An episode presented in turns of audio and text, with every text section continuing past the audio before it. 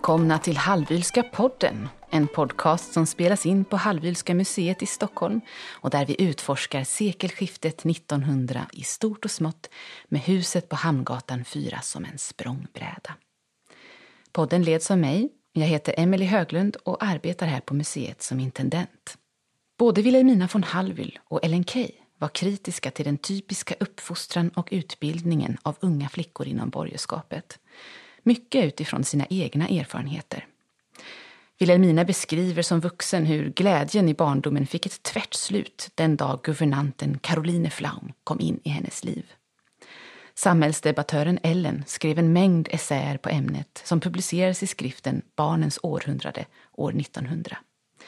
Där gav hon uttryck för radikalt nya idéer kring skolans utformning, dess syfte, men också vad det alls var att vara barn. I detta avsnitt ska vi borra i dessa idéer i kontrast till det vi vet om Wilhelmina och om hennes döttrars barndom för att få syn på det nydanande. Det är ett stort ämnesområde där vi tangerar religion, människosyn, utbildningens värde och också dess samhällsomvälvande potential. Med mig idag har jag Hedda Jansson från Stockholms universitet. Välkommen. Tack. Och du är eh, religionsforskare och har också en stor erfarenhet av att arbeta på LNK Strand. Ja, stämmer bra. Och vi har också Gösta Sandell här, intendent här på museet. God dag. Välkommen.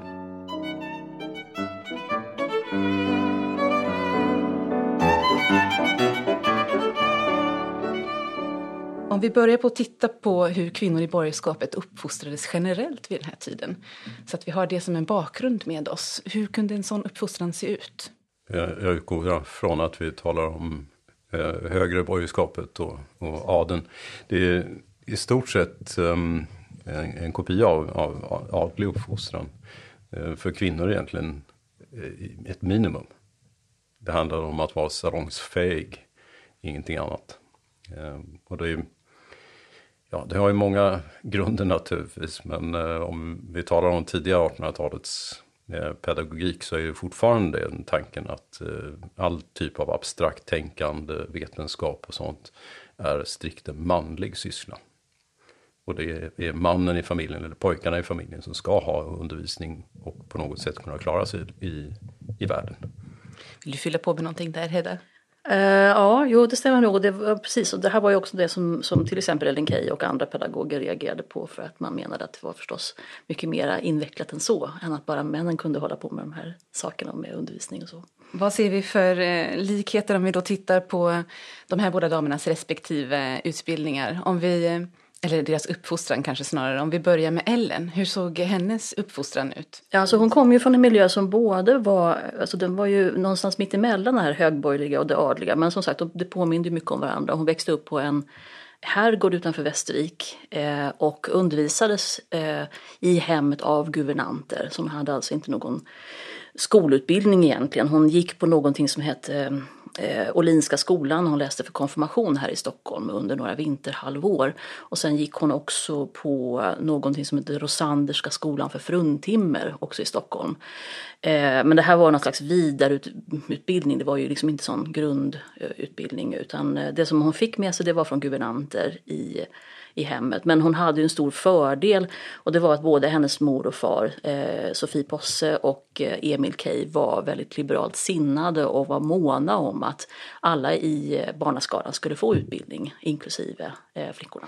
Och Ellen stack väl ut där lite i barnaskaran också. Hon fick sitt eget rum och fri tillgång till föräldrarnas bibliotek. Ja, eh, inte på en gång faktiskt, utan de hade vissa regler där om att vissa böcker fick inte läsas av, eh, av eh, barn i för unga åldrar. Men Ellen Key brukade bryta mot det där genom att smyga in och gömma sig under matbordet och så kunde hon lyssna på högläsningen som de vuxna höll för varandra och eh, på det sättet så fick hon ta del av litteratur som kanske inte var helt lämpliga för flickor i hennes ålder. Men hon var, hon var en stor bokslukerska och det här skriver hon om också långt senare att det här var hennes, har alltid varit hennes stora passion i livet att få läsa böcker. Och det blir också ett tema sen i hennes pedagogiska vision att man ska föra ut läsandet och bok, bokslukeriet på något sätt som en, som en viktig del. Mm. Det känns ju att med en sån tillgång till litteraturen och, och också det här egna utrymmet eh, fanns det ett större utrymme för henne att bli en kritiskt tänkande människa i den uppfostran, tror du?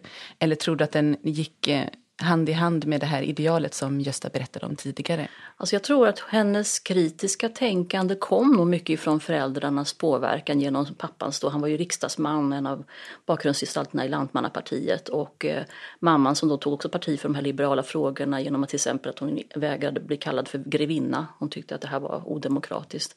Och jag tror att de där sakerna snarare mm, manade på, men sen var hon ju den förstfödda i barn, barnaskaran. Det finns uppgifter om att föräldrarna trodde att hon skulle ha blivit en pojke så hennes syskon kallade henne för Nisse till exempel.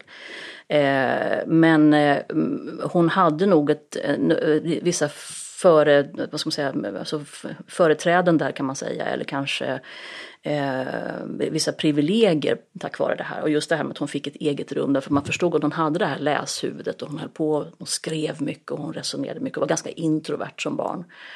Och då blev det eh, naturligt. Men framförallt föräldrarnas påverkan så, som blev viktigt. Mm. Genom sina egna exempel? Liksom. Ja. ja. Mm. Vi ser ju genast här väldigt många skillnader mot Wilhelmina von Hallwyls eh, bakgrund och uppfostran. Jag tänker dels på föräldrarnas, eh, ja, ska vi säga politiska hemvist. Där jag, jag har väl goda skäl att tänka att familjen Kempe var tämligen konservativ till sin karaktär. Eh, och inte alls uppmuntrade någon typ av utflykter i, i verkligheten. Eh, sen kanske ännu mer eh, väsentligt är att Wilhelmina von Hallwyl var ensambarn.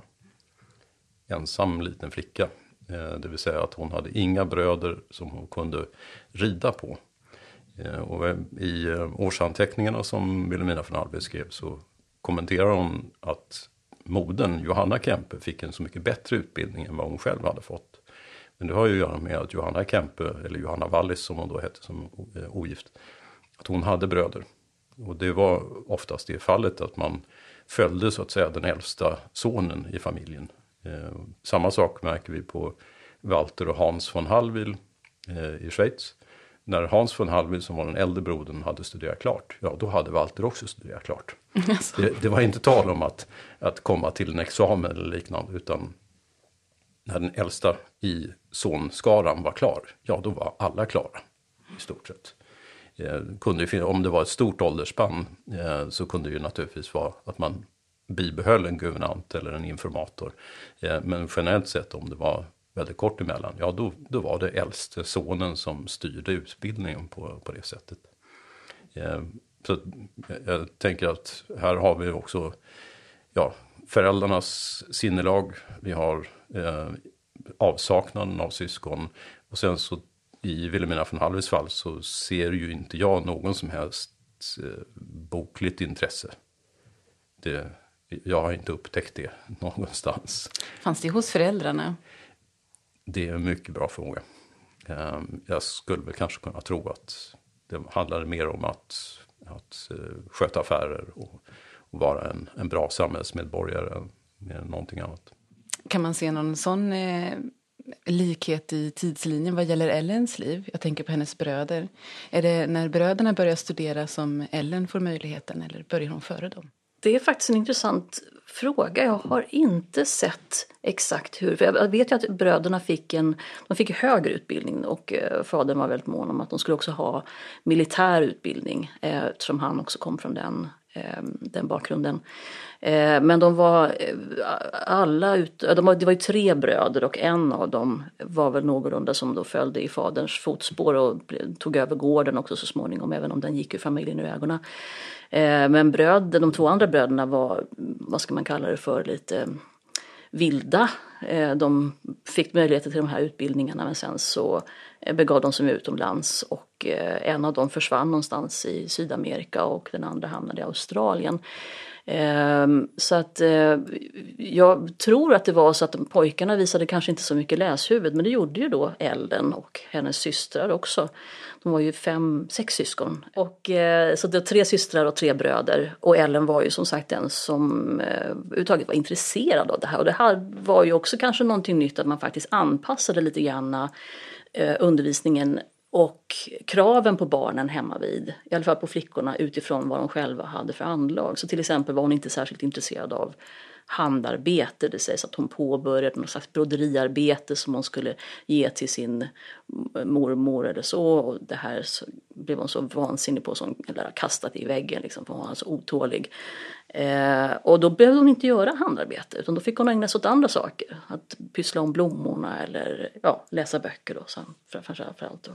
Mm, det är ju intressant, för annars så känns det som att just handarbete är en sån sak som ju ingår i eh, kunnande som man måste ha sen som en husfru eller en dam i salongerna. Mm. Håller du med om det Gösta? Vad är det man behöver lära sig? Handarbete? Spela piano. mm. Brodera och spela piano och eh, franska naturligtvis i den här samhällsklassen. Mm. Eh, var också därför som många guvernanter kom från Frankrike eller franska delen av Schweiz.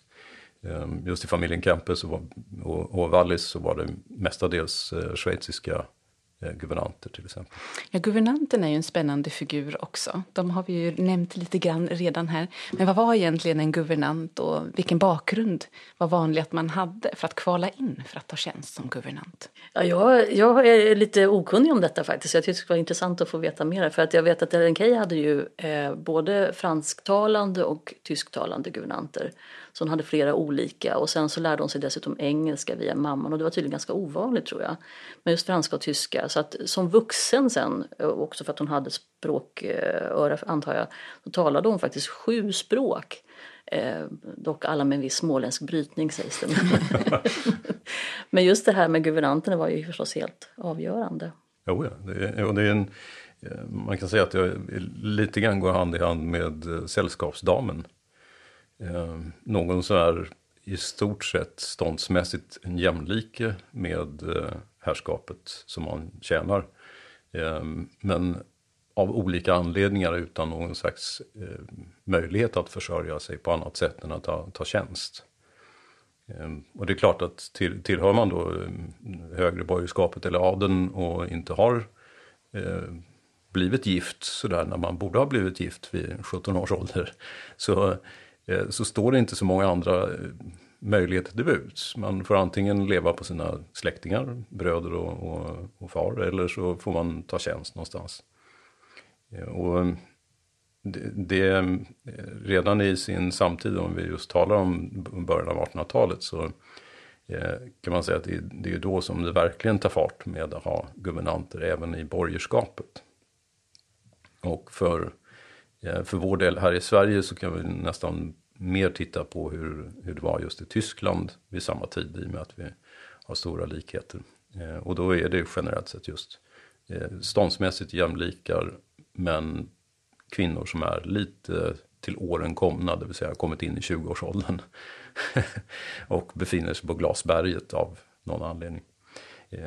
Om vi tar Wilhelmina von Halvis guvernant som ett exempel, Caroline Flaum, Eh, så det är tyvärr inte särskilt många eh, uppgifter som säger var hon kom ifrån och vilken bakgrund hon hade. Men eh, hon hade en bror som heter Ludvig Flaum, eller Louis, som var major i bayerska armén. Och jag tror att jag har hittat hennes far, Georg Flaum, som var överstelöjtnant också i bayerska armén. Och det ger vid handen att det är en ganska hög samhällsställning men vi måste också komma ihåg att en militär vid den här tiden, en officer, tjänar ju inga pengar. Eh, det är eh, bara drickspengar som man får i lön. Däremot så är det enorma utgifter. Eh, vilket gör att om inte familjen har en egen, e, egen förmögenhet så har man inte riktigt råd att gifta bort sina döttrar på ett bra sätt. Och vi har ingen aning om hur många eh, syskon hon hade egentligen. Vi, vi vet att hon hade en syster och en bror åtminstone. Och det är klart att på en militärlön och försöka gifta bort två flickor. Det var förmodligen ganska hopplöst vid den här tiden. Och såvida man inte hade eh, ett adligt namn, men det hade de inte. Eh, så Caroline Flam är på det sättet ganska representativ för sin, eh, sin grupp. Det vill säga någon som har blivit tvingad in i en tjänst. Och i och med att det fanns väldigt många guvernanter på början av 1800-talet Eh, så var det ju också en ganska hopplös sits. Du kom in i en familj och var i stort sett livegen. Du fick förvisso någon form av lön, men i övrigt så hade du ingen förhoppning om att kunna avancera till någonting annat. Såvida du inte av någon outgrundlig anledning kunde gifta dig när du var 43 eller någonting. Men det, sannolikheten för en kvinna vid den tiden att gifta sig sent är ju väldigt liten som vi vet. Mm, och sen när barnen är färdigutbildade så sägs man upp Ja. och får hitta nästa plats. Eh, oftast. Fast Caroline blir ju kvar i familjen som sällskapsdam sen ju faktiskt. Exakt. Caroline Flam är ju ett undantag på så sätt att hon kvar, kvarstannade i familjen. Men då som sällskapsdam till Johanna Kempe istället. Men man hade alltså ingen formell utbildning egentligen som guvernant. Så det är inte ett professionellt yrke på så sätt utan man lutar sig Det mot sitt egna faktiskt kunnande. professionella det fanns det. utbildningar. Um, framförallt eh, så kan man säga att det är i, Preussen eh, men också Heidelberg och eh, Freiburg, som, som det finns den typen av utbildningar för kvinnor. Eh, så det var inte så att det var en total renons på kvinnliga pedagoger och, och, och skolor för kvinnor. Tvärtom skulle jag säga att det fanns väldigt livaktiga rörelser i Tyskland. Men generellt sett belastade av den här tanken på att allting abstrakt och vetenskapligt ska tillhöra mannen. Så man fostrade in alla i exakt samma mall som man, som man själv hade vuxit upp i på det sättet. Eh, men det, trots allt så skulle jag säga att det finns en, en pedagogisk väckelserörelse på början av 1800-talet. Wilhelm von Humboldt till exempel som är kanske den mest namnkunniga av de här. Eh, där man mer ser till eh, människan som en, eh, en del av ett samhälle och eh, att försöka odla den humanistiska ådran för att bli en god samhällsmedborgare. Istället för bara något typ av köttstycke under en, eh, en kung. Och där tycker jag blir också intressant att Caroline Flam kommer då från Nürnberg från början, det vill säga Bayern. Och Bayern var vid tiden en väldigt ny monarki och också konstitutionell monarki. Eh, med klara och tydliga franska kopplingar, för man hade varit lierad med Frankrike under Napoleonkrigen till exempel. Att om vi tänker att hon kommer från Tyskland, när vi tänker det idag, så har vi en helt annan bild av landet hon kommer ifrån. Eh, vi måste ta bort eh, det som har hänt i Tyskland sedan dess och, och tänka till det, att det är en väldigt franskinfluerad miljö. En ny växande demokrati egentligen. Eh, som inte finns någon annanstans i, i Tyskland. Men Preussen det är ju, det är ju ett auktoritärt kungadöme, ingenting annat. Eh, Bayern däremot är, någonting som är uppåtgående. Det är också där man kan hitta den här typen av eh, pedagogiska eh, nya kopplingar på det sätt. Mm, Tyskland är ju ganska diverserat, eller var, innan det enades. Det är fortfarande Fortfarande. frågan bajare. Just det. Eh, Men det är ju spännande, för Ellen Key blev ju sedan stor eh, utomlands med sina eh, pedagogiska idéer. Vi ska väl återkomma till dem lite längre fram.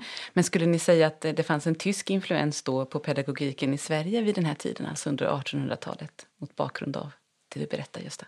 Ja, jo, det, det skulle jag vilja säga. Ehm, mycket av den enkla anledningen att, att banden mellan de tyska staterna och Sverige har ju alltid genom historien varit väldigt eh, ordentliga. Så att, eh, visst har det alltid funnits någon form av tyskt inflytande, men sen är ju frågan just vad man lägger i ordet tyskt.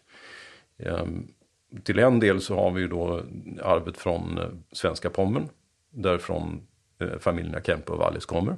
Och det får vi komma ihåg att de är ju alltså tysktalande svenskar. Eh, och såg sig förmodligen just som tysktalande svenskar. Eh, de såg sig inte som tyskar. Eh, skulle jag kunna satsa en peng på faktiskt. Och, och då kan man ställa sig frågan, ja, vilken typ av miljö kom de ifrån i Stralsund? Vilken typ av uppfostran hade Kempe och Wallis? Det vet inte jag faktiskt. Och som sagt var, Preussen är en helt annan sak. Där militarismen är så oerhört påtaglig. Eh, Bayern är en helt annan sak. Kommer ner till eh, andra städer och andra stater så är ja, det är, det, är en, det är en helt annan bukett av inflytande som vi tror jag, det är väldigt svårt att göra sig en föreställning om eh, på det sättet. Men ja, eh, inflytande från söderifrån. Det, och det är väl det, att vi, vi får tänka bort det anglosaxiska inflytande som vi präglas av idag. Eh, Eh, och kanske inte eh, tänka så mycket på Frankrike heller. Visst, Frankrike som ideal fanns. Det vill säga språkmässigt så skulle man kunna franska för att det var det som överklassen använde eh, genom hela Europa. Och också så fanns det ett, ett estetiskt ideal från Frankrike. Men sen hur det transponerades till de olika nationerna och staterna, det är en helt annan sak.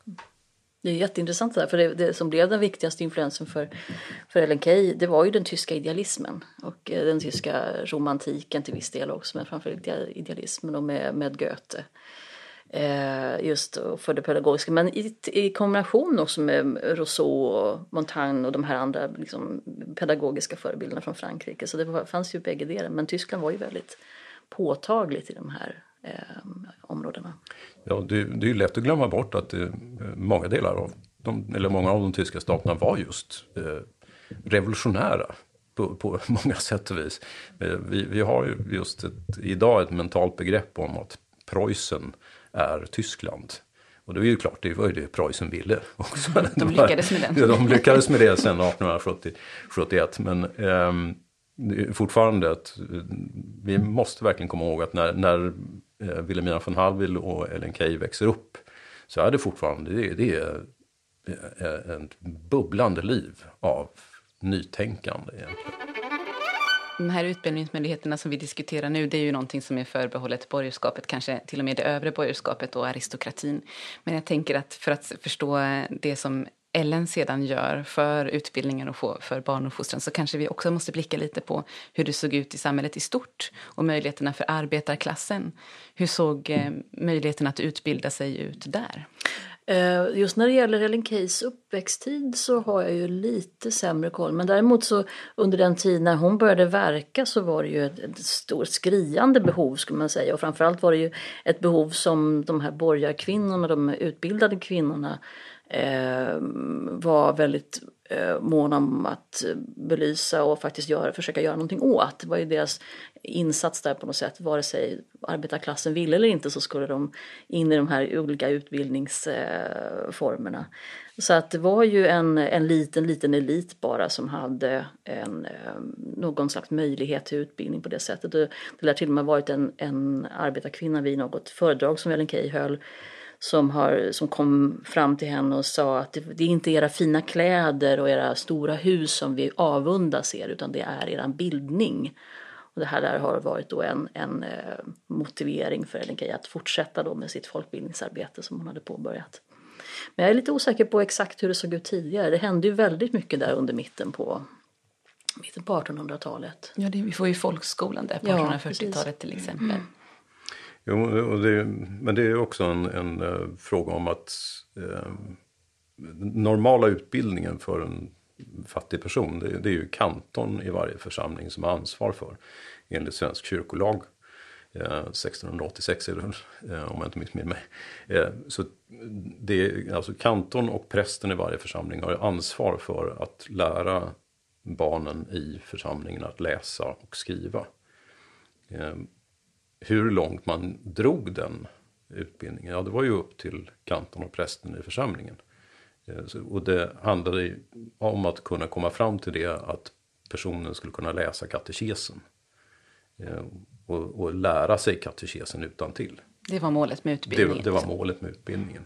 Eh, och när man hade nått dit hän, ja då var det ju snarare då att lära sig antingen ett hantverk eller att lära sig någon form av fysiskt yrke på det sättet. Eh, och de flesta eh, lärepojkar inom säg, hantverket eh, började ju någonstans vid 7-8 års ålder. Men då som strikt lärepojke. Det vill säga att man går ärenden och, och får titta på när andra gör saker och ting. Sen så blir man efterhand mer och mer involverad i arbetet. Och, eh, oftast sådär vid 14 års ålder så trädde man in i någon typ av yrkesverksam roll på det sättet. Ehm, och det är ju någonting som jag, jag tänker till exempel på Frimurarbarnhuset här i Stockholm. Ehm, de tog emot ehm, föräldralösa barn eh, och undervisade dem. Eh, men all undervisning syftade mot just att lära sig ett hantverk. Så att man hade samma grundprincip, att du skulle lära dig att läsa och skriva. Eh, kanske räkna, om du, men då var det de fyra räknesätten, ingenting annat. Eh, och sen så var målsättningen total. Fokusera på att lära ett hantverk, att bli snickare, skomakare, skräddare och så vidare. Eh, så det var aldrig frågan om att utöka det här till någon slags akademisk utbildning. Och det finns ju förvisso extrema fåtalet fall där man så att säga plockar ur något geni ur folkledet, Men de exemplen är väldigt få. Väldigt, väldigt få. Det krävs att någon hjälper till med pengar då för att, eh, ja. för att bekosta den utbildningen. Ja, och annars handlar det mer om att säkra en försörjning i framtiden för ja. de här barnen. Och säkra samhällets försörjning mm. eh, i mångt och mycket. Eh, för att någon som inte har ett yrke är en dagdrivare. Och lösdriverilagen måste ju se till att man håller folk i arbete och sådär. Men det där var ju inte samma sak för flickor, tänker jag. Nej, nej. Det var, så att det, det, var ju också en sån sak som blev som väldigt, alltså, fokuset var ju verkligen på eh, både pojkars och flickors utbildning och för de här visionärerna och pedagogerna som kom sen då. Och sen framförallt att det skulle vara någorlunda lika möjligheter att eh, också kunna så småningom nå till högre utbildning. Ja, I den officiella utbildningen på början av 1800-talet så finns ju ingen tanke om jämlikhet. Det, det föresvävade inte folk. Mm. Är det något som förändras när folkskolan kommer skulle du säga? Ja, till, till en stor del. Sen är det klart att eh, en, en, utbildning fanns. Det var bara det att man skulle få barnen att komma dit. Och, och där, där för många eh, familjer så var det en fråga om pengar. Att, låta en, ett barn gå till skolan istället för att arbeta. Ja, det hade ju in, inverkan på familjens ekonomi. Eh, och, och, det är klart att eh, barnarbete tänker vi på idag som någonting extremt eh, förkastligt och så vidare. Men tänk då på vad, vad är alternativet? Ja, det är ju inte så att barnen skulle ha sprungit runt och spelat fotboll och, och haft kul, utan då hade de istället bara gått under. För att pengarna inte fanns. Så barnarbete var ett alternativ. Ja, många stora skillnader i möjligheterna mellan klasserna vid den här tiden. Oh, Absolut. Mm. Ehm, det fanns ju så kallade barnträdgårdar också, någonting som Ellen sen skulle vara kritisk mot. Mm. Vad var en barnträdgård och när, när kom de?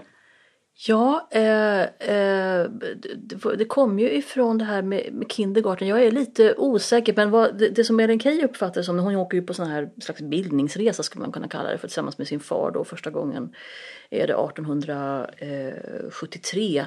Hon är då strax över 20 år och ehm, eh, där får hon ju se de här inrättningarna som hon reagerar väldigt starkt på därför att det handlar om en slags eh, kollektiv eh, under, alltså, förhållningssätt till barnen som en, ett kollektiv, en stor grupp. Och man handskas exakt likadant med alla individer i den här gruppen. Och det var det här som hon reagerade på. Det här var ju inte det enda sammanhanget men det var ett av dem. Och hon menar att skolan måste bli mycket mera eh, individualistiska, så alltså mycket mer ta vara på de olika enskilda individernas talanger, kunskaper, förmågor. Och det gör man inte i ett sånt kollektivt sammanhang som de här kindergartens eh, var exempel på. Eh, sen var det säkert andra saker hon reagerade på också men det här var tror jag det viktigaste.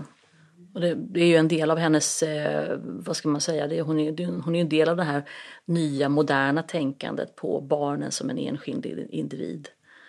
Eh, som återkommer sen i hennes stora pedagogiska vision också. Hon säger att eh, de här barnträdgårdarna var som en fabrik som skapar dussin människor. De behandlas i flock, de uppträder i flock, leka efter plan och arbetar efter plan. Mm, precis, precis. Låter lite grann som skolan idag. ja, jag tror hon skulle haft mycket att säga om skolan idag. Ja. Hon pratar väldigt mycket om det här med jord, jordmänniskor, alltså HJ-ord, jordmänniskor. Mm. Eh, och att det är något som är, man ska försöka liksom mot, motarbeta. Och det ser hon som en slags samhälls, eh, ja vi kanske återkommer till det, men det, man ser det som en slags samhälls eh, Eh, förbättrande åtgärd att värna de individuella människornas egenskaper och så. För att skapar man jordmänniskor så skapar man också grogrund för eh, massmanipulation och allt det här som vi har sett under 1900-talet som också har lett till olika eh, krissituationer och krig och liknande. Så hon hade någon slags vision där om att det här var någonting som kunde vara oerhört skadligt för samhället. Mm. Ja, det är ju vad ska man säga, skarpsinnat att se en oh, ja. sådan eh, risk. Mm. Absolut.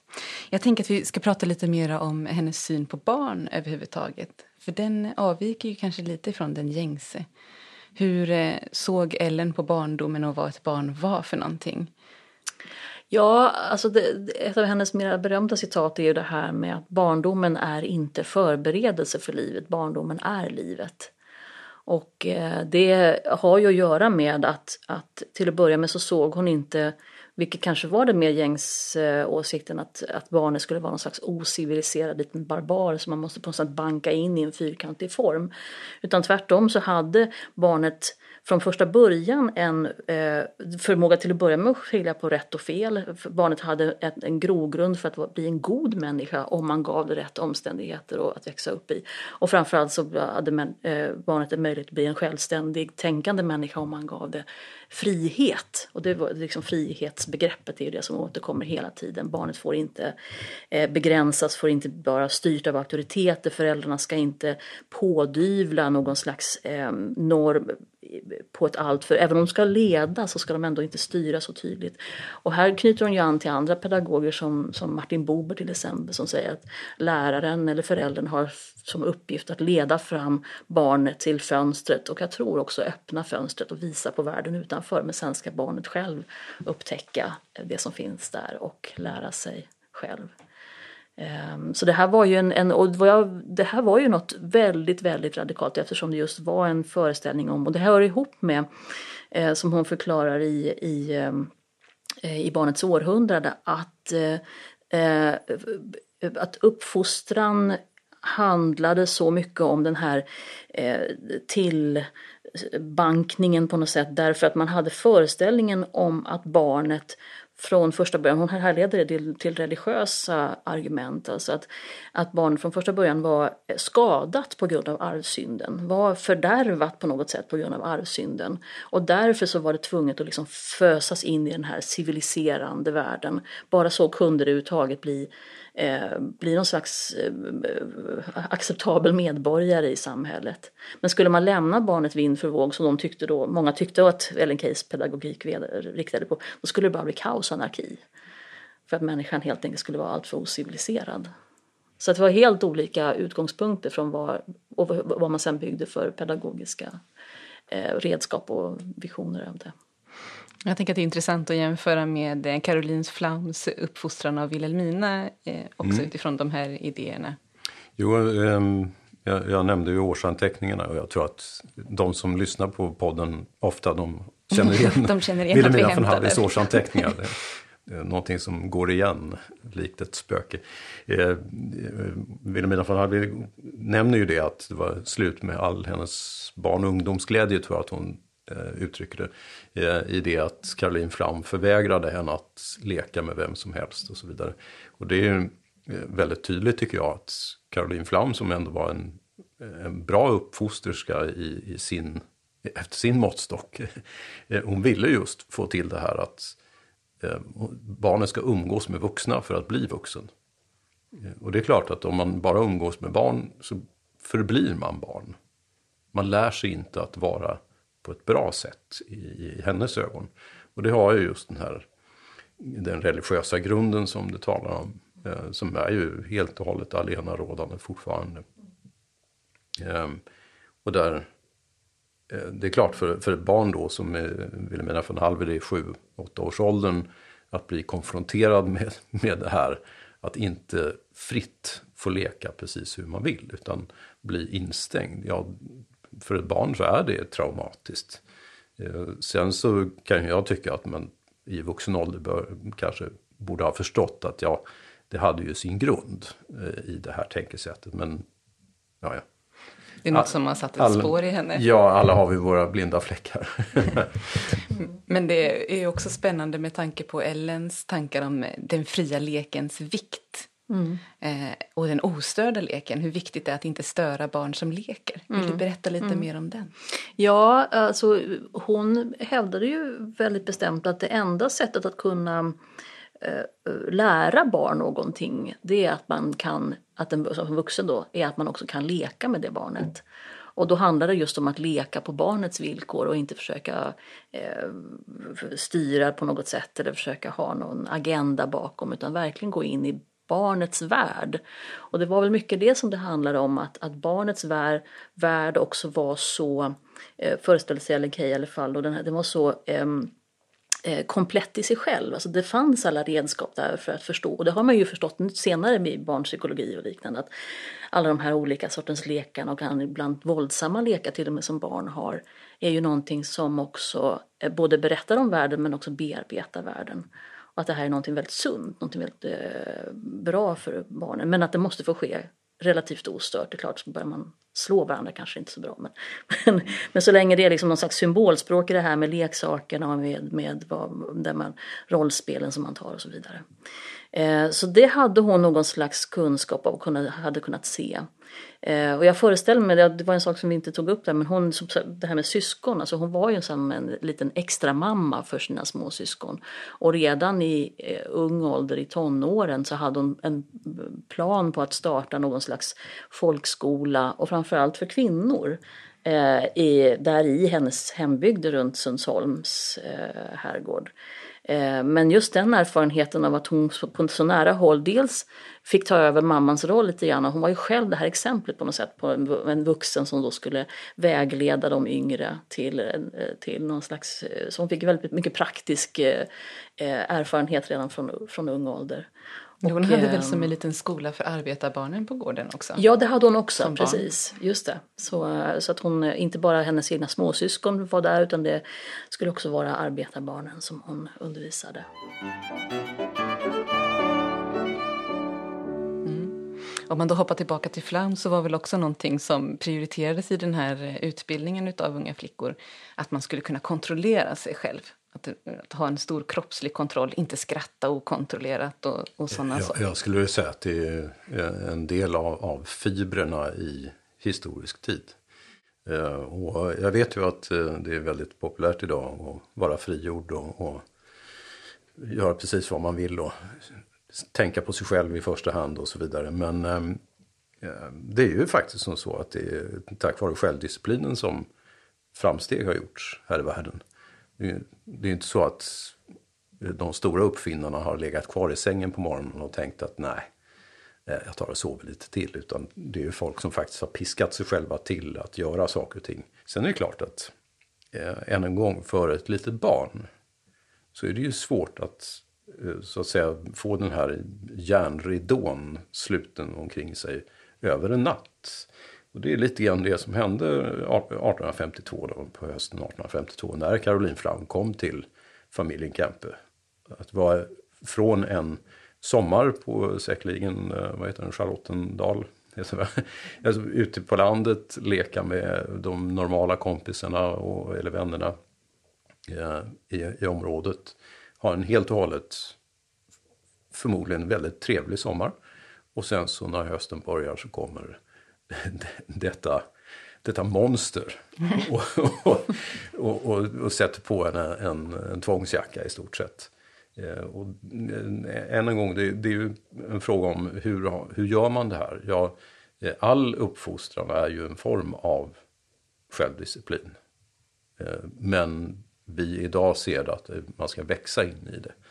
Och man ska kanske finna sin egen väg till sin egen typ av, av självdisciplin vi har samma grundläggande behov av självdisciplin. Bara det att i Caroline Flaums eh, värld så var det här någonting som var absolut.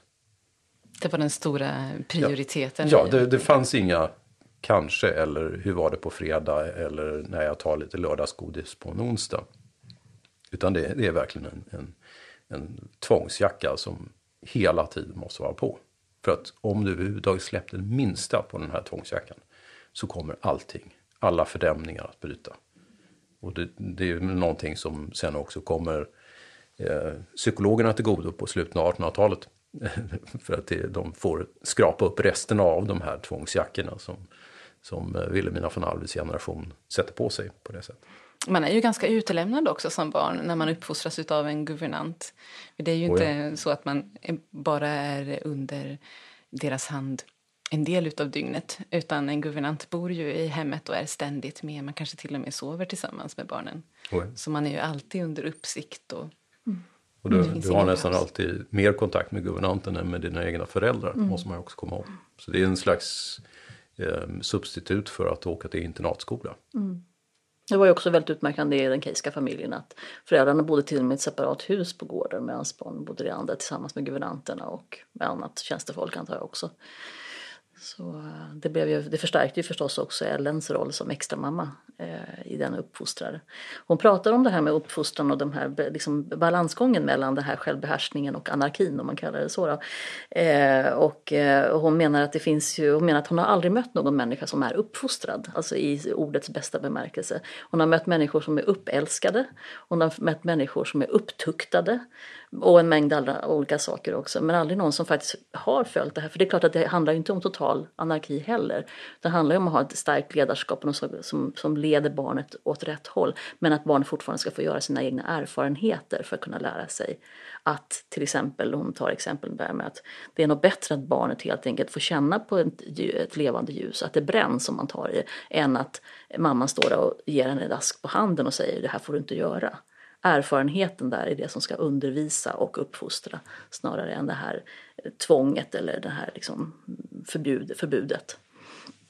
Så det blir eh, det här att, att vara uppfostrad är ju verkligen då den här gyllene medelvägen någonstans.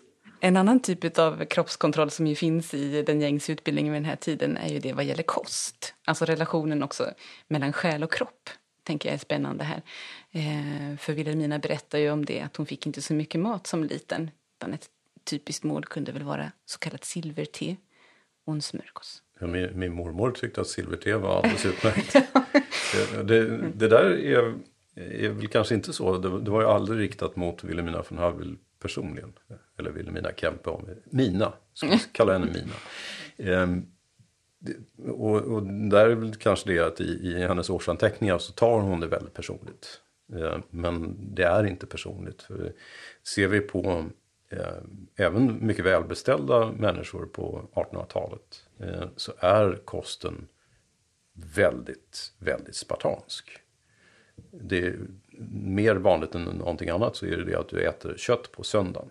Och sen så hittar du den där köttbiten i olika former resten av veckan i minskande omfattning. Eh, så det blir verkligen det att du, du har en liten tunn soppa och, och en liten hård brödbit. Och det gäller även Eh, ja, om du var Bismarck så åt du på det sättet. Om du var von någonting annat så åt du på det sättet. För att det var så man var upplärd.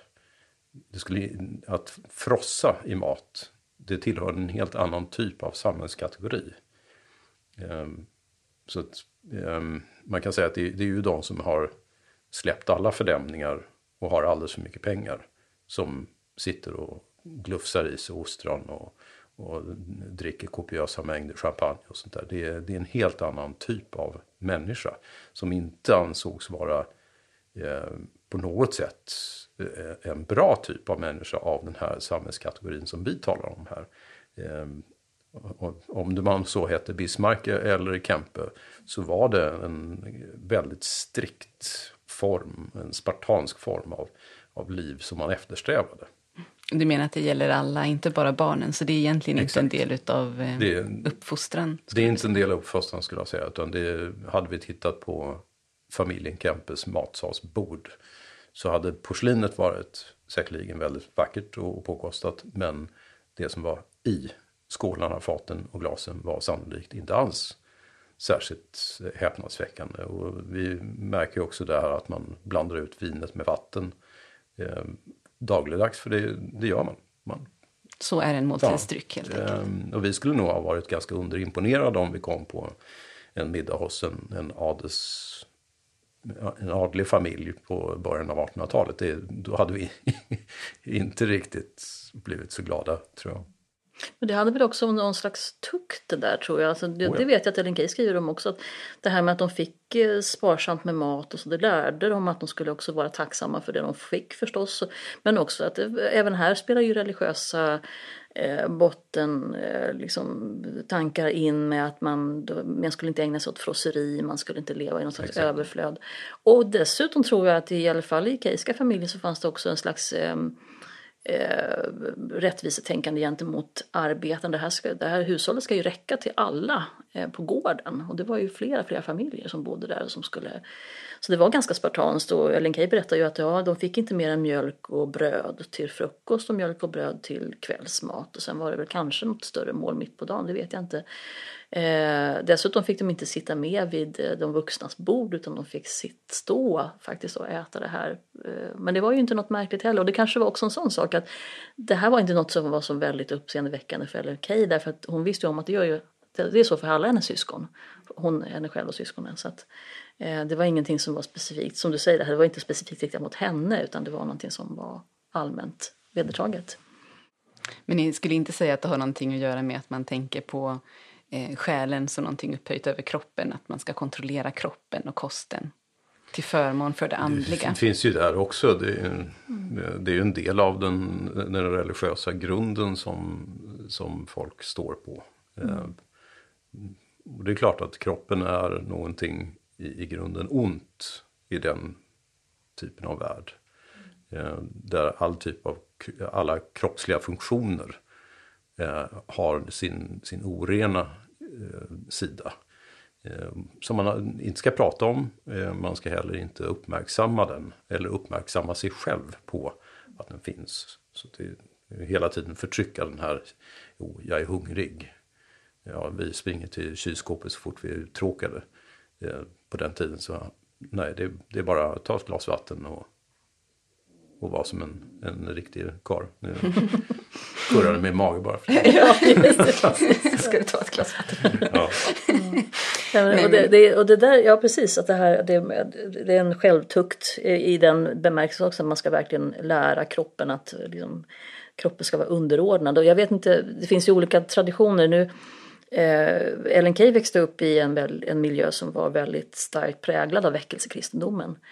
Och eh, hon blev, eh, och framförallt arbetarna på gården var eh, väldigt eh, hängivna och hon tog intryck, hon var en väldigt perceptiv ung flicka så hon gick, tog intryck av de här männen och kvinnorna som talade verkligen så hängivet om sin tro och deras eh, föreställning. Och det här har jag sett och är någonting som också har följt henne, dels i hennes egen livsåskådning sen när hon blev äldre, men också på något sätt i förhållningssättet just till det här med kropp och själ. Även om hennes filosofi sen så småningom inkluderade både kropp och själ, skulle vara en slags enhet, så var det fortfarande så att det här med det kroppsliga skulle på något sätt inte tuktas, men i alla fall underordnas, kuvas. Man skulle inte, vara, man skulle inte ha pråliga kläder på sig och man skulle inte vara extravagant på något sätt så utan det fanns andra värden som skulle hellre uppfyllas. Hade man pengar så skulle man använda det till andra saker. Köpa böcker till exempel. Mm. Ja, det var det lite det här som jag fiskade efter om det fanns liksom någon motsättning till, till det här i hennes syn i och med att hon hade det här mer holistiska synen på människan som en, som en enhet mm. snarare än två beståndsdelar och så. Mm. Men där var det fortfarande, och det, jag tror att hon menade att det handlade om en slags självtukt, men både på det kroppsliga kanske och det andliga planet. Det var en fråga om att inte vara alltför extravagant på, på, i något hänseende. Men sen var ju hennes livsfilosofi den att kroppen och själen var en enhet och att det här påverkade förstås då, eh, det man gör mot kroppen påverkar också själen. Så om man har till exempel, hon ville bland annat då, vilket är ju viktigt, hon ville förbjuda aga.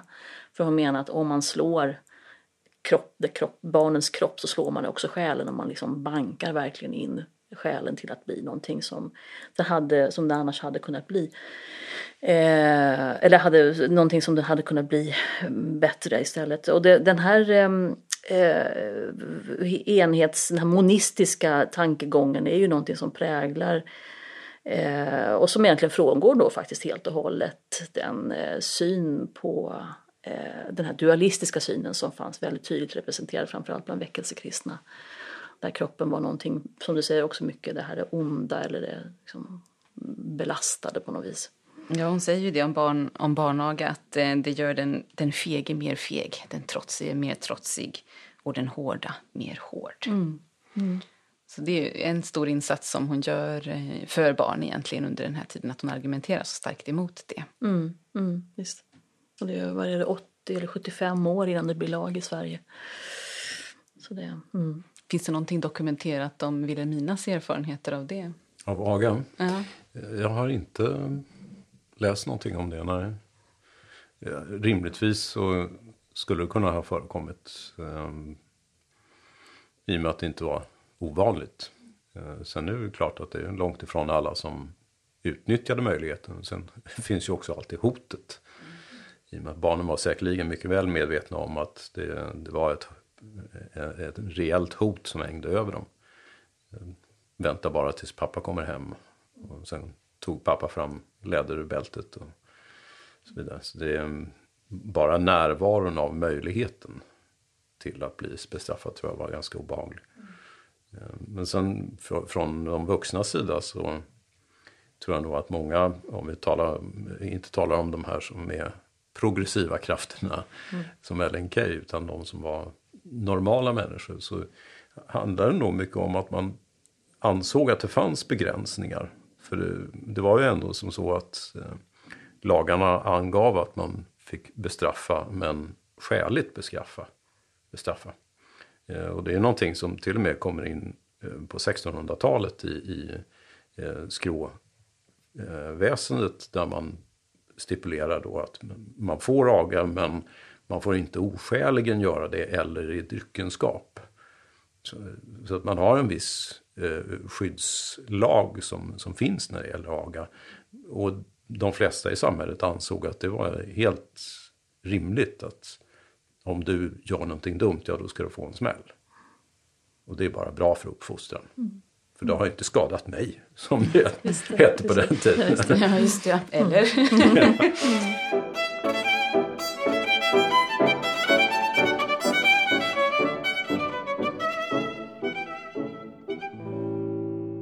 Jag tänker att det är en skillnad som kanske finns eh, mellan idag och då är väl också barnens säkerhet, eller hur säkra miljöer man rör sig i. Att det kanske också fanns en starkare anledning till att eh, ha en kontroll om man inte hade ständig uppsyn. Så mm. nu tänker jag på klassperspektiven igen. Att inom de lägre samhällsklasserna så var det ju vanligt också att använda skrämsel som ett redskap för att kontrollera hur barnen rör sig. Mm. Näcken finns i bäcken, murvlen finns i brunnen mm. eh, och så vidare. Så att man inte ska uppsöka de här platserna. Man hittar de här egentligen påhittade hoten eh, som ska skydda mot ett reellt, en reell risk. Så att säga. Mm. Finns det någonting eh, skrivet om det från Ellens sida? Det har jag nog inte stött på faktiskt, men jag kan ju inte, jag, jag tänker ju mig att det ändå måste ha funnits med eftersom hon också växte upp i den miljön. Hon talar ju mycket om det här med naturmystiken och sådana saker om man tänker på de sortens farorna. Men annars så var hon nog, eh, jag tror att hon räkn, hon var ju, alltså hon växte ju upp i en trygg miljö. Eh, och Eh, hon återvände ju till Sundsholm, även när gården hade varit, gått familjen i ögonen så återvände hon dit och bodde på somrarna, hade hon möjlighet att göra då fram tills hon var 40 år gammal. Eh, och hon skriver om det här just som en väldigt trygg plats där hon kan vara sig själv, där hon inte behöver känna sig utsatt på något sätt på samma sätt som hon gjorde då när hon bodde i Stockholm. Eh, men jag kan inte minnas att det var något specifikt så i, i föräldrarnas eller eh, omgivningen där att hon skulle ha fått sådana, eh, vad ska man kalla det för, eh, påpekanden om världens faror. Det kan jag inte minnas. kanske inte är lika vanligt i, i klasser där man är under uppsikt. Ja, en spekulativ sen, fråga. ja, lite spekulativ. Men um, om, om vi, jag tänker nu på borgerskapet så finns alltid, och jag tror även eh, än idag till en viss eh, del, eh, det här begreppet så gör man inte. Och rädslan för att blamera sig socialt inverkar väldigt repressivt på allting du gör. Tar du dig själv i ansiktet, säger du fel, det vill säga att det, det skapar en återhållsamhet i individen när du vet att du kan alltid råka göra någonting som är fel socialt. Och det kommer att utsätta dig för en fara. Det vill säga att det exponerar dig som en, en eh, högstaplare och, och en bluffmakare. Ehm, och den rädslan tror jag har samma eh, effekt lite grann som näcken i, i bäcken och, och sådär. Det vill säga att du, du mm, står still i, i din tillvaro och säger så lite som möjligt. Förutom när du vet vad du ska säga eller vet vad som förväntas av dig. Eh, och, och, den sociala kontrollen eh, är ju eh, påtaglig inom borgerskapet. Eh, och till, till vissa delar än idag. Det fanns ju olika eh, ansatser ändå, i alla fall som man tänker på de här vuxna kvinnorna, Ellen Key och hennes eh, lärarin, lärarinnekåren som hon umgicks med och de här andra intellektuella. De hade ju olika försök till att bryta de här klassmönstren. Det har inte så mycket att göra med, eh, jag vet inte hur mycket det också inverkade på det sociala beteendet, men till exempel så var hon med och startade en förening som kallades för Tolfterna som var, det var ju förstås en del av det här folkbildningsprojektet och att eh, arbetarklassens kvinnor skulle få möjlighet till utbildning och så. Men framförallt så var det en samkvämsgrupp där eh, kvinnorna skulle försöka eh, man skulle samlas, eh, oberoende klasstillhörighet så skulle man samlas 12 och 12. Eh, och man skulle ha då föreläsningar, man skulle ha olika, ja samkväm helt enkelt med olika aktiviteter. Eh, och så det här var ju ett första försök att visa på att vi behöver inte vara så eh, ha en sån restriktion liksom kring vilka vi umgås med faktiskt. Du var väl också en manlig företeelse, tolvmannaföreningar har jag hört talas om. Det kan det vara, att, ja, att det byggde på den ja. saken. Ja, just det. Mm. Mm, exakt. just det. Och det var ju samma sak med den här föreningen Idun. Sen skapade kvinnorna nya Idun, bara för kvinnor då som skulle ja, föra det vidare.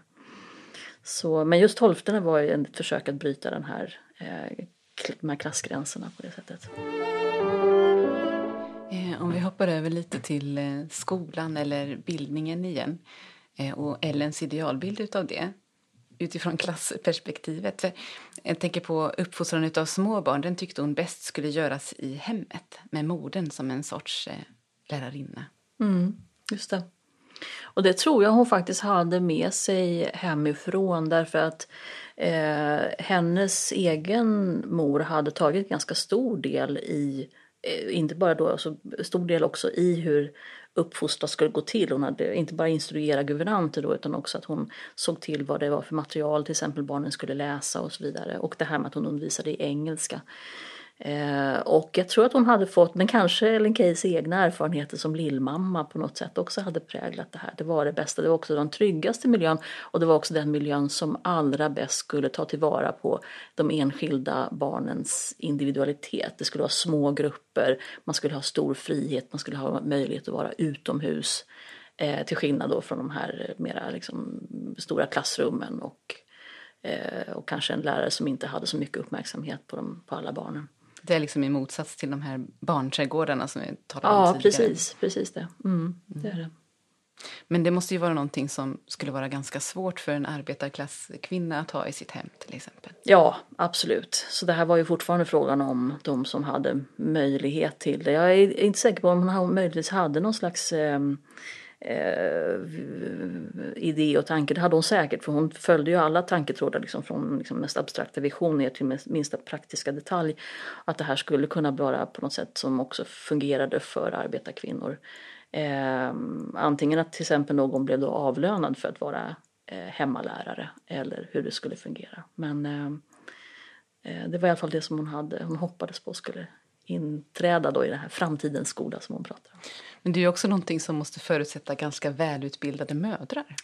Ja, just det. Och därför, där var det ju i sin tur då det här eh, folkbildningsprojektet som hon höll på med. Och med, hon föreläste på Stockholms arbetarinstitut under många år. Och där, det var där hon träffade väldigt många arbetarkvinnor. Hon var så otroligt eh, beundrande mot dem därför att de, det var alltså kvinnor som hade arbetat hela dagen och sen på kvällen så tog de av sin tid och ork och kraft och liksom komma till de här föreläsningarna för att och hon föreläste där gratis för hon menade att det här var så behjärtansvärd att de skulle kunna ha möjlighet till de här utbildningsformerna. Så det var ju en del av det tillsammans förstås då, att de ska också ha tillgång till högre utbildning så småningom. Men hon var också skeptisk till att kvinnor skulle vara vid akademin. Ja, och det gällde nog snarare när det var så pass alltså på universitetsnivå. Mm. Därför att där menar hon att det var så präglat av den här andliga, vad ska vi kalla det för, liksom spirituella och framförallt det här väldigt strikt, alltså det var också väldigt mycket präglat av kristendomsundervisning, alltså teologin var så stark på lärosätena. Så att hon menade att det här var någonting som snarare för vuxna människor begränsade och eh, satte in människor i fyrkantiga lådor. Och hon menade att kvinnorna eh, hade en annan slags erfarenhet, en annan slags eh, begåvning som inte skulle passa in i de här fyrkantiga rollerna. Och framförallt så var det någonting, om man försökte sätta sig där så skulle man bli hämmad. Men den här eh, kunskapen, den här erfarenheten som kvinnorna kunde bidra med skulle behöva, och det var därför folkbildningsprojektet var så viktigt för henne. För här skulle sån, sån slags kunskap kunna frodas mer på de egna eh, deltagarnas villkor snarare att någon uppifrån talade om att nu ska ni läsa det här och ni ska skriva på det här sättet och vara på det här sättet. Så det var mycket därför hon vände sig mot, till många akademiska kvinnors förtret så vände hon sig mot att de befann sig på universitetet. Vi har ju en intressant parallell där i eh, äldsta dottern eh, till Wilhelmina von Hallwyl som mm. Ebba eh, som ville utbilda sig till arkitekt men förvägrades det av föräldrarna. Och jag Ehm, ser ju det klart och tydligt som välvilja från föräldrarnas sida. Eh, I och med att vid den här tiden så talar vi, eh, då är det alltså 1890-tal. Eh, så är det fortfarande en akademiskt utbildad kvinna är generellt sett en ogift kvinna. Mm. Det vill säga enligt deras synsätt uppfyller inte den kvinnliga fullbordan att vara moder och maka. Och än idag så vill ju folk sina barns bästa. och det är i det, på det synsättet vi, eh, med det synsättet som man måste tolka det att eh, föräldrarna förvägrar dottern en akademisk utbildning för att rädda henne ifrån ett bistert öde. Mm. Ja, eller, men det är en säkrare försörjning för henne också att ju bli gift. Ja. Äm, än, än att äh, skapa sig en just, akademisk Just i det här fallet så, så, var det kanske försörjning inte ett, problem. I och med att von Hallwyls var en av de rikare familjerna. Eh, så mm. möjligheterna för henne, hon skulle ha nog blivit gift även om hon var helt och hållet konstig. En ehm, stor hemgift som följer ja, med. Men, men fortfarande, eh, jag tror att det är snarare just det att eh, både hos Walter och Wilhelmina von Hallwyl så finns den här religiösa föreställningar att en, en kvinnas slutgiltiga uppgift i livet är att vara maka och moder. Och är man inte det så har man inte uppfyllt sin kvinnliga plikt. Ebba kommenterar väl det här själv också som att det hade mycket att göra med att hon i så fall skulle behövt läsa i Uppsala. Mm. Och då skulle hon inte vara under uppsyn. Liksom. Det, ja, skulle inte finnas vet någon. Det kanske också en del av dessa lössläppta typer i Uppsala. Ja, ja. Det, fanns, det fanns en risk att få ett rykte om sig om man inte då hade ett förkläde med sig. Ja. Å andra sidan kan man ju tycka att om det hade varit viktigt så hade man kanske kunnat anställa en, en sällskapsdam till henne. Oh, ja.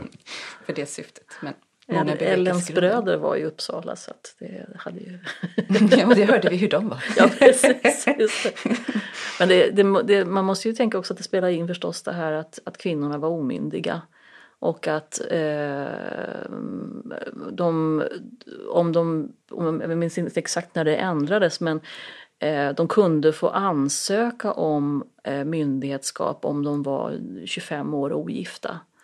Eh, och Eh, det fanns ju vad jag förstår ganska mycket redan då vad det här kallas för Stockholmsäktenskapen, alltså att en kvinna faktiskt inte gifte sig för att kunna ha sin egen inkomst. För eftersom när hon då gifte sig så skulle hon ha blivit omyndig igen i sådana fall och sen så skulle hon också ha förlorat kontrollen över sina pengar och sina inkomster. Och jag tror att det här, det här var något som spelade mycket, mycket större roll än vad vi kan förstå egentligen. Ellen Key var ju oerhört mån om att säga att man får välja det antingen det ena eller det andra. Alltså att vara ute i arbetslivet, man kan gärna få arbeta som en slags samhällsmoder, det var ju hennes begrepp. Eller så skulle man gå in i det eh, som maka och mor just. För att, och, och, men också när det gällde det här med hängivenhet, man kan inte dela på sig själv på det här sättet. Men framförallt så också att det har att göra med de ekonomiska förutsättningarna. Ja, och som omyndig så finns det också en poäng med att ha en, en förmyndare mm. över sig. Och om ens far går bort och man är ogift mm. så hamnar man i händerna på någon annan man, ja. en manlig släkting. Då det bättre att ta kontrollen över det genom ett gott gifte. Mm.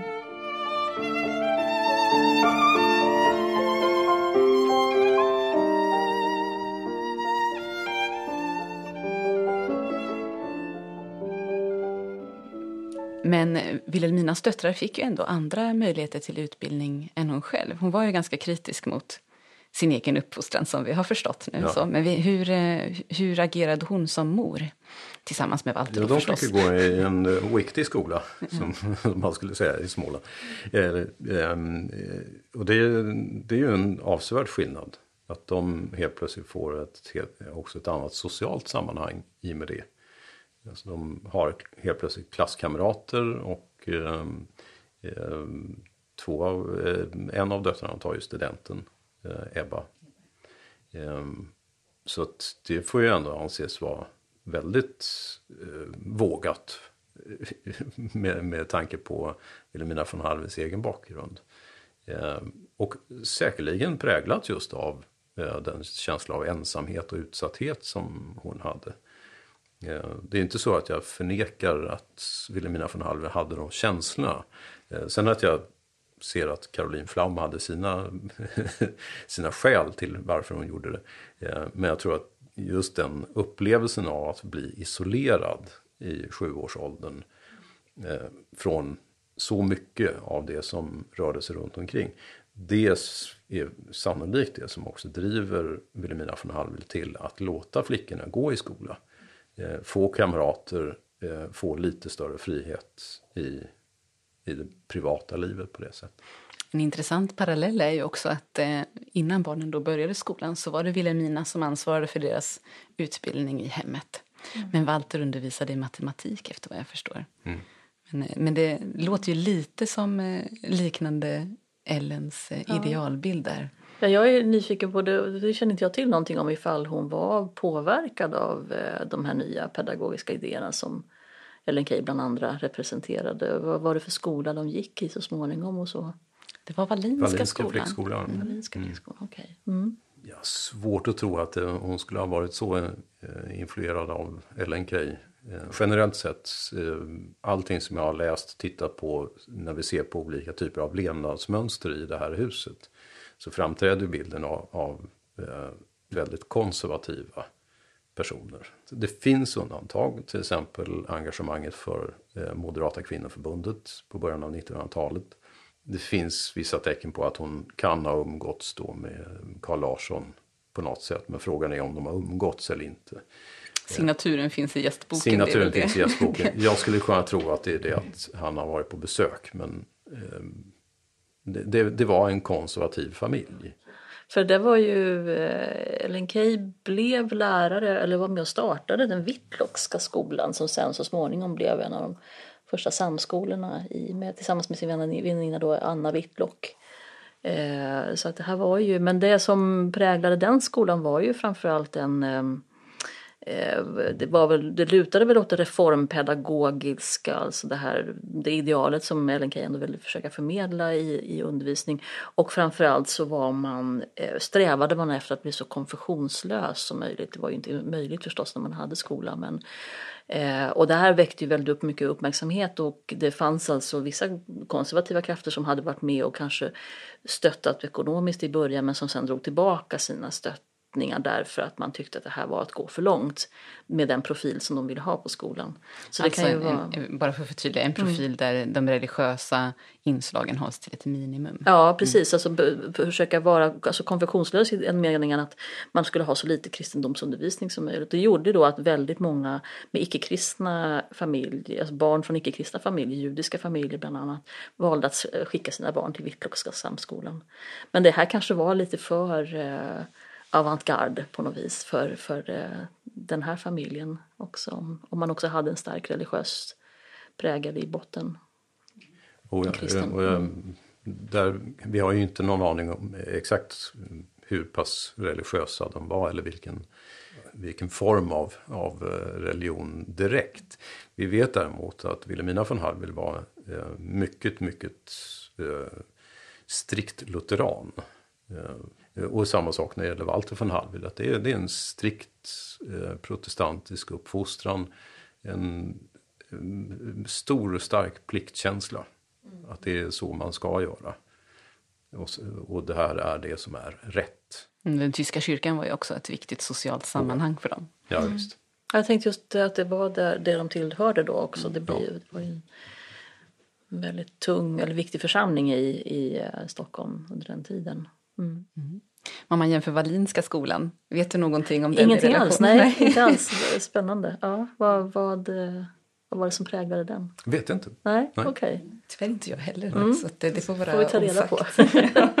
Men det var en flickskola och eh, Vittlockska det var en samskola. Alltså det blev en samskola så småningom, ja precis så fort det var möjligt. Så, för det var ju också en av de stora visionerna som Ellen Key hade att det här var ju någonting som skulle vara jämställt mellan pojkar och flickor. Och framförallt det här klassöverskridandet. Barnen skulle mötas ifrån olika klassammanhang och få samma slags undervisning. Som var ju väldigt eh, före sin tid. Jag tänker att eh, vi kanske borde flika in också att det finns ju en motsägelsefullhet också i Wilhelminas val som mor när det gäller hennes tre döttrar, för två av dem fick ju gå i skola.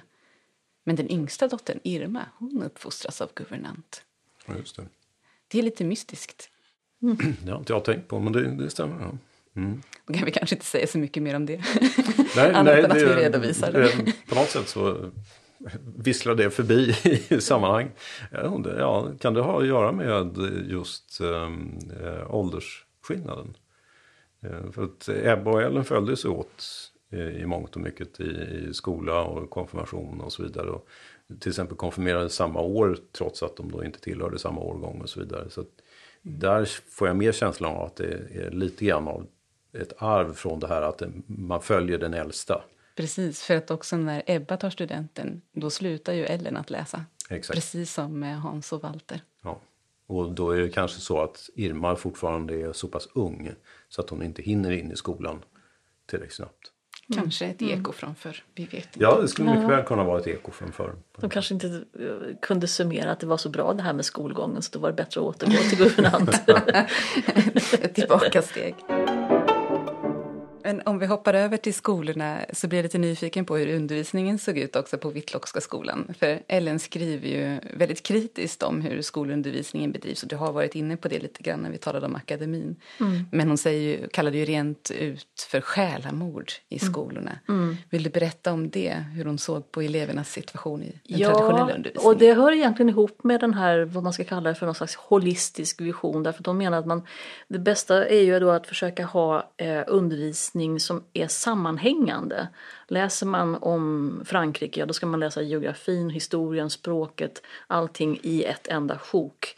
Och så var det förstås inte då, det är det ju inte nu heller, utan hon har ju det här, jag vet inte om med det citatet här med, med eh, det som vågskvalp och eh, precis som nu så har man de här 40 minuter, ja, 40 minuter franska, plums. Och sen så 40 minuter eh, historia, plums, 40 minuter matematik, plums. Mm. Skriver hon väldigt liksom, eh, vad heter det, eh, livfullt där beskriver hon hur det går till. Och att barnen blir förstås alldeles eh, eh, liksom, eh, splittrade av det här därför att de får inte någon helhetsförståelse av tillvaron. Eh, och eh, det, men när det kommer till, och sen undervisningen när det gäller eh, religionskunskap, kristendomskunskap framförallt då, så är det ju någonting som hon motsätter sig eh, i allra högsta grad därför att det är någonting som går emot de nya naturvetenskapliga rönen. Så man kan inte ena, ena timmen undervisa i Eh, evolutionslära, eller ja, så långt man nu hade kommit när man kände till de här lärarna. Och sen i andra timmen undervisa i kristendomskunskap och i skapelseberättelsen. Det, det, för barnen är så eh, genuint eh, logiska i sina hjärnor så de kommer att motsätta sig det. De förstår ju att det här är någon slags fullständigt eh, omöjligt att, att, att kombinera. Så det är mycket det att det splittrar barnen och det gör då att de inte heller då blir hela som människor och hela som, som personligheter. Hon liknar dem vid en liten sten på en havsstrand som utsätts för små stänk som fördummar hjärnan. Ja, just det. ja, Men det är ju nästan tematiska studier som man efterfrågar. Som ja, finns på vissa lärosäten idag. Precis, mm, det gör det.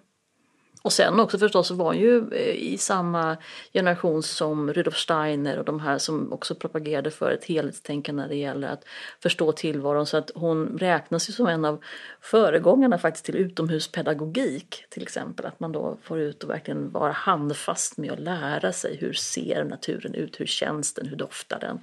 Som också har då använts i till exempel Waldorfpedagogiken. Finns det något bevarat just kring döttrarnas skolgång och hur den såg ut? Eller faller det utanför vårt material? Det finns några ehm, skolböcker faktiskt i arkivet. Jag har inte tittat på dem. Men jag vet att de finns där i och med att jag har gått igenom arkivkatalogen ganska nyligen. Så det finns en del ehm, glosböcker även från Wilhelmina von Halves tid faktiskt. Franska glosor och sånt där. Och några uppsatser finns från eh, dels, ja, det är både från Walter och Wilhelmina von Halve men också från några av döttrarna. Så det finns lite skolmaterial i arkivet men det är inte jättemycket. Mm. Jag tycker att det här är lite spännande med Ellens tankar om eh, utbildningens syfte också. Det har vi varit inne på lite tidigare och pratat om olika typer av individer som skapas genom de här olika uppfostringssätten och så. Och också egentligen inverkan som det får på, på samhället då. Och Ellen menar att folkbildning kunde vara en samhällsupplösare. ja, och det har ju att göra med den här splittringen alltså att de, och, och att man eh, eh, helt enkelt skapar otrygga människor, osäkra människor som också då i sitt liv sen för det här vidare på något sätt. Hon ser ju alltid att det, det privata, det liksom allra mest näraliggande också får samhälleliga och kanske politiska konsekvenser. Eh, och det är ju en, det är en väldigt en sån här slogan som också var under liksom, feminismen, att det privata är politiskt och allt det här. Men för, för eh, bildningens del så handlar det om att skapar man de här självständigt tänkande människorna, de här personerna som, som har förmåga att skilja vad som är rätt och fel, se helheten, få överblick, så kommer man ju också skapa ett samhälle med medvetna individer som kan ta ansvar i ett, alltså den, här demo, den här framtida demokratin som hon också såg för, såg för sig. Och, eh, och att det var helt nödvändigt då förstås för att bygga ett, ett gott samhälle och i förlängningen så hade det till och med internationella eh, implikationer eftersom det faktiskt var också ett sätt att skapa fred. Men det här var personer som så småningom skulle kanske komma ut och vara eh, samhällsviktiga personer och då hur förhåller man sig till andra eh, nationer och syn på andra, annan kultur, på annan religion och så. Så det fick enorma konsekvenser. Det började i det här lilla att inte splittra barnet i sin, i sina, i sin förståelse av omgivningen. Men det är samtidigt förståeligt att det kan uppfattas som samhällsupplösande. I, i och med att i, om, om, samhället bygger på en, en, stabil grund av arbetare och undersåtar som helt plötsligt börjar tänka själv. Så skapar det en instabilitet i landet. Mm. Jag tror jag har hört talas om att det är det här med Eh, analfabetism, ja just det, mm. exakt, folk som inte kan prata. Eh, att når det upp till en viss gräns så, så blir det oroligheter i landet. Och mm. jag kan tänka idag när det är, är väldigt stor fokus på att alla och envar ska ha en akademisk utbildning. Så får ju resultatet är också en missnöjdhet. Eh, när vilken utbildning som helst måste vara akademisk för att få ett jobb. Eh, du kan snart inte ens sitta i kassan någonstans utan att ha en akademisk utbildning. Eh, och sen är frågan, motsvarar då din utbildning den, det yrke du kommer att ha? Ja, då blir det också en, en, ett missnöje i samhället där det är många som har satsat många år på utbildning men inte får någonting utav det förutom just frustration. Um, så, och på så sätt kan, kan jag se det att det finns en samhällsupplösande faktor i allmän utbildning. Det är på ett helt annat sätt än vad Ellen Key Ja, exakt. Helt annat sätt. Men, men att det, det är inte helt och hållet oproblematiskt att, att vi har så väldigt många akademiskt utbildade här i landet till exempel. Det är inte helt oproblematiskt. Men en fin lösning på det kan ju också vara hur man ser på bildning överlag. Mm. För där menar ju Ellen Key att eh, bildningen är ju egentligen det tillståndet som man uppnår när man har glömt allting som man har lärt sig. Ja, precis, ja, precis det. Och eh, hon, hon har sagt själv att det enda hon kom ihåg från sin egen undervisning eh, när hon var barn, det var sånt som hon eh, det var sånt som hon hade lärt sig att älska. Alltså ett ämne eller en kunskap eller någonting som hon hade lärt sig att älska. Det kom hon ihåg. Allt annat bara rann, rann, rann ifrån henne på något vis. Så, jo, jag ville bara kommentera också kring det här med folk, eh, folkbildningens upplösande. För det är ju precis så att hon såg det ju som någonting stärkande förstås för det framtida samhället. Medan de också mera förstås konservativa krafterna ansåg att hon, hon var en anarkist. Hon, hon sympatiserade ju faktiskt väldigt, till viss del med den, den fredliga anarkisten, anarkismen. Men eh, att det fanns en eh, eh, eh, någonting upplösande också och det hörde dessutom ihop med hennes avståndstagande från kristendomen som hon ändå ställde sig för eh, som, som vuxen och när hon utvecklade sin egen livsåskådning att, att det här är någonting som skulle vara upplösande för det moraliska och i och med det så blev det också någonting som skulle vara samhällsupplösande. Så det hörde väldigt mycket ihop med hennes övriga budskap. Inte bara just vad som händer med den här sortens bildning som utgår från den enskilda individen utan också vad hon i övrigt propagerade för. Hur skulle det vara moraliskt upplösande menar du? Därför att man menade från framförallt kristet eh, och kanske mer konservativt håll att man måste ha en vägledande eh, gud, en vägledande dogm, en vägledande kyrka för att människor överhuvudtaget ska kunna följa det som är gott och riktigt. Människan klarar inte av det på egen hand. Och det var ju precis där som det skilde sig, precis som i första början här med eh, det lilla barnet som då antingen är en liten ociviliserad barbar som måste banka som är full av arvsynd eller så är det någonting eh, kapabelt och värdefullt i sig självt från första början. Och därifrån var de utgångspunkterna var ju det som krockade hela tiden mellan Ellen Keys vision och det mera kanske eh, ja, traditionellt kristna värderingar och liknande. Det här är inte eh, det, alltså att hon det är, man måste bestämma sig för vilken grundinställning man har till människan som person, som, som varelse innan man kan se vad då, hur då det här bildningsväsendet skulle se ut eller hur, hur samhället skulle se ut överhuvudtaget faktiskt. Men kanske också vad man tycker om samhället, om det liksom är gott så som, så som det är eller var. Mm. Eh, eller om det behöver omformas efter det här. Ja. Den här bildningen och att det är viktigt att alla tar del i formandet av samhället. Eller mm. om man ska foga in sig. Också en, mm. en tanke eller en, en, föreställning om att det ska vara på ett visst sätt. Alltså stabilitet mm. är, är, är ideal under många, många, många, många hundra år. Mm. Föreställningen om att samhället är beständigt och stabilt. Mm. Även om det inte är det, det ser vi till exempel på 1600-talet när man älskade stabilitet och oföränderlighet. Ja, då baxade man ju världen så att den skulle passa med sin oföränderlighet. Det vill säga att det var en enorm förändring i samhället. Men förändringarna man gjorde var för att försöka anpassa verkligheten efter den bild man hade av. Mm. Och likadant finner vi på 1800-talet att eh, man har ett ideal av stabilitet. Och då är det ju klart att ifrågasättande tvivel, allting sånt är ett enormt hot. Bara som ett litet barn, varför? Mm. Varför? Varför? Varför? Ett sånt barn får smäll 1852. det, ja, det. För det, är inte passande mm. att hela tiden ställa den här frågan varför. Mm. Och, och, jag skulle säga, är det någon enda fråga som är just sprängfylld så är det den enkla mm. varför. Mm, verkligen. Och Ellen Key menade att det var den viktigaste frågan som ett barn kunde ställa. Ja, och det är, det är den viktigaste frågan som vi alla kan ställa, skulle jag säga, även i, i vuxen ålder. Att mm. tvinga andra att förklara sig själva. Mm. För att det skapar också en förändring. Mm. Men, och ett medvetandegörande också om, om oh ja, sina oh ja. bevekelsegrunder. Mm, men som sagt var, i, i 1800-talets eh, sinnevärld eh, så är det ett hot. Mm. Det är ett reellt hot att ställa, ifrågasätta. Mm. Det kan man ju också se om man ser till eh, familjen i övrigt här också. Att Walter von Hallwyl var ju skeptisk mot socialisterna. Men också nationalisterna. Mm. För båda de här krafterna var samhällsomvälvande. De ville förändra och hotade den här eh, mm. stabiliteten. Mm. Mm. Det är många stora frågor som ja. ryms inom barnuppfostran. Mm. Men det är väl det, där ligger ju framtidsperspektivet också inbäddat på något sätt.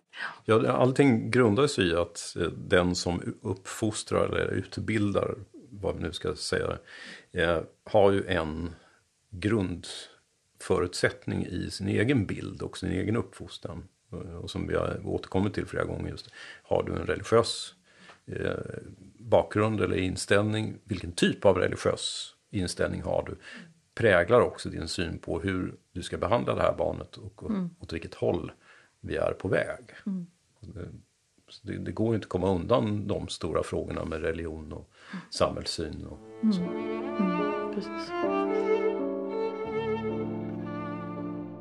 Jag tänker att vi ska återvända lite till det lilla, till hemmiljön. Men, eh, för tankarna om hemmet de är ju Ellen Key väldigt välkända för under parollen skönhet för alla. Eh, kanske mer än hennes tankar om barnuppfostran i Sverige idag. Eh, men där finns ju också tankar i barnets århundrade som relaterar till det, barnets plats i hemmet. Mm. Kan du berätta lite om det? Ja, eh, precis som barnets eh, egenskaper skulle befrämjas och liksom lyftas fram i, i det pedagogiska arbetet och i undervisning och, och i miljön där så skulle det också finnas utrymme för barnets eh, lek och barnets personlighet i hemmet. Det skulle få prägla ett hem. Och det här ju, kan man säga att också Ellen Key tog med sig sen till Ellen Key Strand för hon har ju med sig sina egna barndomsmöbler och de får ta en vanlig plats inne i till exempel stora vardagsrummet eller i, i sängkammaren. Det är inte så att de finns med bara som någon slags prydnadsföremål och jag, jag minns min barndom utan de hade faktiskt en aktiv roll i hennes vuxna, nu var hon ganska liten till växten dessutom så att hon kunde faktiskt använda sig av de här dessutom. Men det var någonting som skulle påminna och sen också kunna användas förstås av de barn som kom och hälsade på. Nu var det kanske inte så många som kom till Strand men men eh, så den miljön, och hon, man brukar säga det, att, eller jag tror att hon själv skrev det någonstans också faktiskt, att den vision för barnen som hon eh, skriver om, det är det som Carl Larsson målar.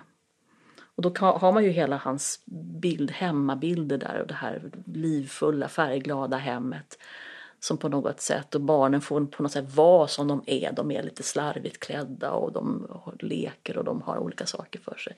Så de två visionerna förenas. De var ju också väldigt nära och goda vänner, Helen Key och Carl Larsson. Vi måste ju komma ihåg att Carl Larsson och den miljön är ju extrem för sin tid. Ja, Den är radikal. Den är enormt radikal på ett sätt som vi, vi kanske mer tänker idag att jo men det är en fantastiskt fin bild av, av sekelskiftet.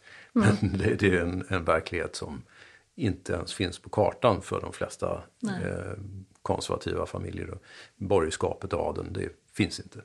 Då är barnen, de finns i en barnkammare någonstans längre bort i huset tillsammans med sin guvernant.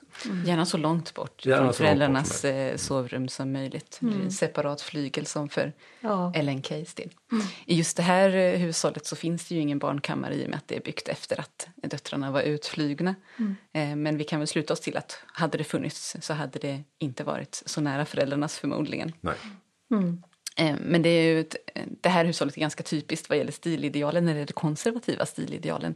Där det är oändligt många salonger och ett rökrum för herrarna är ju prioritet. Men det här är ju någonting som Ellen var kritisk mot också. Att det skulle vara åtskilt mellan föräldrar och barn, tänker du? Eller? Jag tänker på eh, prioriteringen utav bostadsytan kanske. Ja. Där barnen får en sån liten del. Ja, just det. Visst, så var det ju. De skulle vara, de skulle vara lika, skulle, alltså, likvärdig del i familjelivet och få prägla hemmiljön på det sättet. Så var det absolut. Färre salonger, hellre en jättestor barnkammare. Ja, just det. Men en annan intressant sak som hon hävdar på det här temat det är ju det att eh, hemmen kanske bäst borde utformas utav kvinnliga arkitekter. Alltså i och med att eh, hemmen vid den här tiden var en kvinnlig domän och ett eh, kvinnligt ansvarsområde så menar hon på det att om, om hemmen då ritades utav kvinnliga arkitekter så skulle de vara bättre anpassade efter familjens faktiska behov. Så att det vore ett, ett yrke där kvinnorna var särskilt lämpade eh, att ta plats. Och det är ju lite spännande i och med Ebbas tänkta karriärsval som det då tyvärr inte blev så mycket med. Men salongerna var ju en del av representationen. Och barn är inte representativa. De, det, på den tiden så är inte barn representativa. Möjligtvis så ska man ha dem för att visa att man är fertil och har en framtid. I synnerhet om vi talar just så här eh, en familjeföretag som Kempes hade. Att ha ett barn var en väsentlig del av företagsidealet. Eh. För att annars så visade du ju att du var tvungen att sälja det här företaget förr eller senare eller lägga ner det. Hade du däremot arvingar, ja då kunde företaget fortgå. Eh, Så på så sätt är ju barn representativa men då enbart i form av barn och för framtida arvtagare på det sättet. Och annars ska man vara bakom kulisserna. Annars ska man hålla sig väldigt långt bort. Man fick väl komma in och bocka och niga och finklädd och visa upp sig och sen skulle Exakt. man försvinna ganska fort igen. Och inte tala förrän man blev tilltalad. Precis. Det var ju också något som var viktigt och jag tror Ellen Key skriver det att hon, hon själv inte vågade säga någonting vid middagsbordet förrän hon var och ta initiativ till ett samtal förrän hon var 16 tror jag. Någonting sånt. Så det här var, de skulle vara tysta. Ja, det känns ju som att genom avsnittet så har vi fått eh, smaka på hur radikala Ellens idéer var i jämförelse med eh, vad man kan se från museets eh, samlingar, om det är mer tidstypiska kanske. Eh, kanske inte så radikala om man tittar på hur det ser ut idag. Det är mycket som har slagit igenom. Men hon fick störst genomslagskraft utanför Sveriges gränser. Hur kommer det sig? Ja, det, det är en väldigt intressant fråga. Hon blev ju väldigt, på tal om det som vi var inne på från början då, hon blev ju väldigt stor i Tyskland. Eh, Barnets århundrade kom ut i Eh, ja, det var över 25 upplagor, jag vet inte exakt siffran, under, dem, under hennes första, alltså från det boken kom ut i Sverige, alltså 1900, till hennes egen bortgång 1926. Så mer än en upplaga per år i Tyskland. Medan här i Sverige kom den ut då i två upplagor under samma tidsperiod. Eh, så det fanns någon slags gromån för det här och jag är inte säker på om det har någonting med det allmänna, vi pratade om Humboldt, alltså det här pedagogiska klimatet, Steiner och så vidare hade ju också haft en viss inverkan, eller började så småningom ha det. Ehm, eh, så att det är lite oklart egentligen varför hon blev så, men det var ju det som hon byggde upp sin förmögenhet på faktiskt, hon hade inte något arv hemifrån.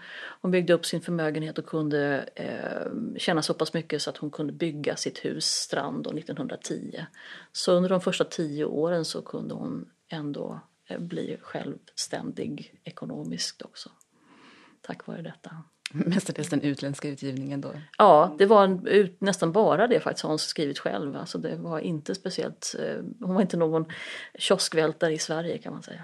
Har du någon tanke kring det, apropå dina kunskaper om det forna Tyskland? Nej, jag, jag, det förvånar mig inte sådär eh, egentligen. Just med tanke på att eh, det fanns ändå en, en stor vilja att flytta framåt. I, eh, Eh, än en gång, vi tänker ju idag på Tyskland som ett ganska konservativt eh, samhälle på vissa avseenden, i vissa avseenden. Men alltså, det- fanns väldigt starka rörelser. Eh, inte bara i Tyskland men också Schweiz naturligtvis. Och Österrike även där. Ehm, och det är därifrån vi har psykoanalys och sådana saker. Så att ehm, alltså viljan, och du talade om Rudolf Steiner. Som är, det är ju också ett väldigt bra exempel. Så att viljan att, att nydana pedagogiken har ju funnits där i en mycket, mycket starkare eh, grad än vad det har funnits i Sverige. Mm, ett spännande ämne med stora konsekvenser för samhället får vi väl säga. Jag tror att vi får runda av avsnittet där. Det blev ett riktigt långt eh, men härligt samtal. Eh, tack så mycket Hedda för att du kom hit och delade med dig av din expertis. Tack så mycket. Och tack Gösta för detsamma. Och tack också alla ni som har lyssnat till oss.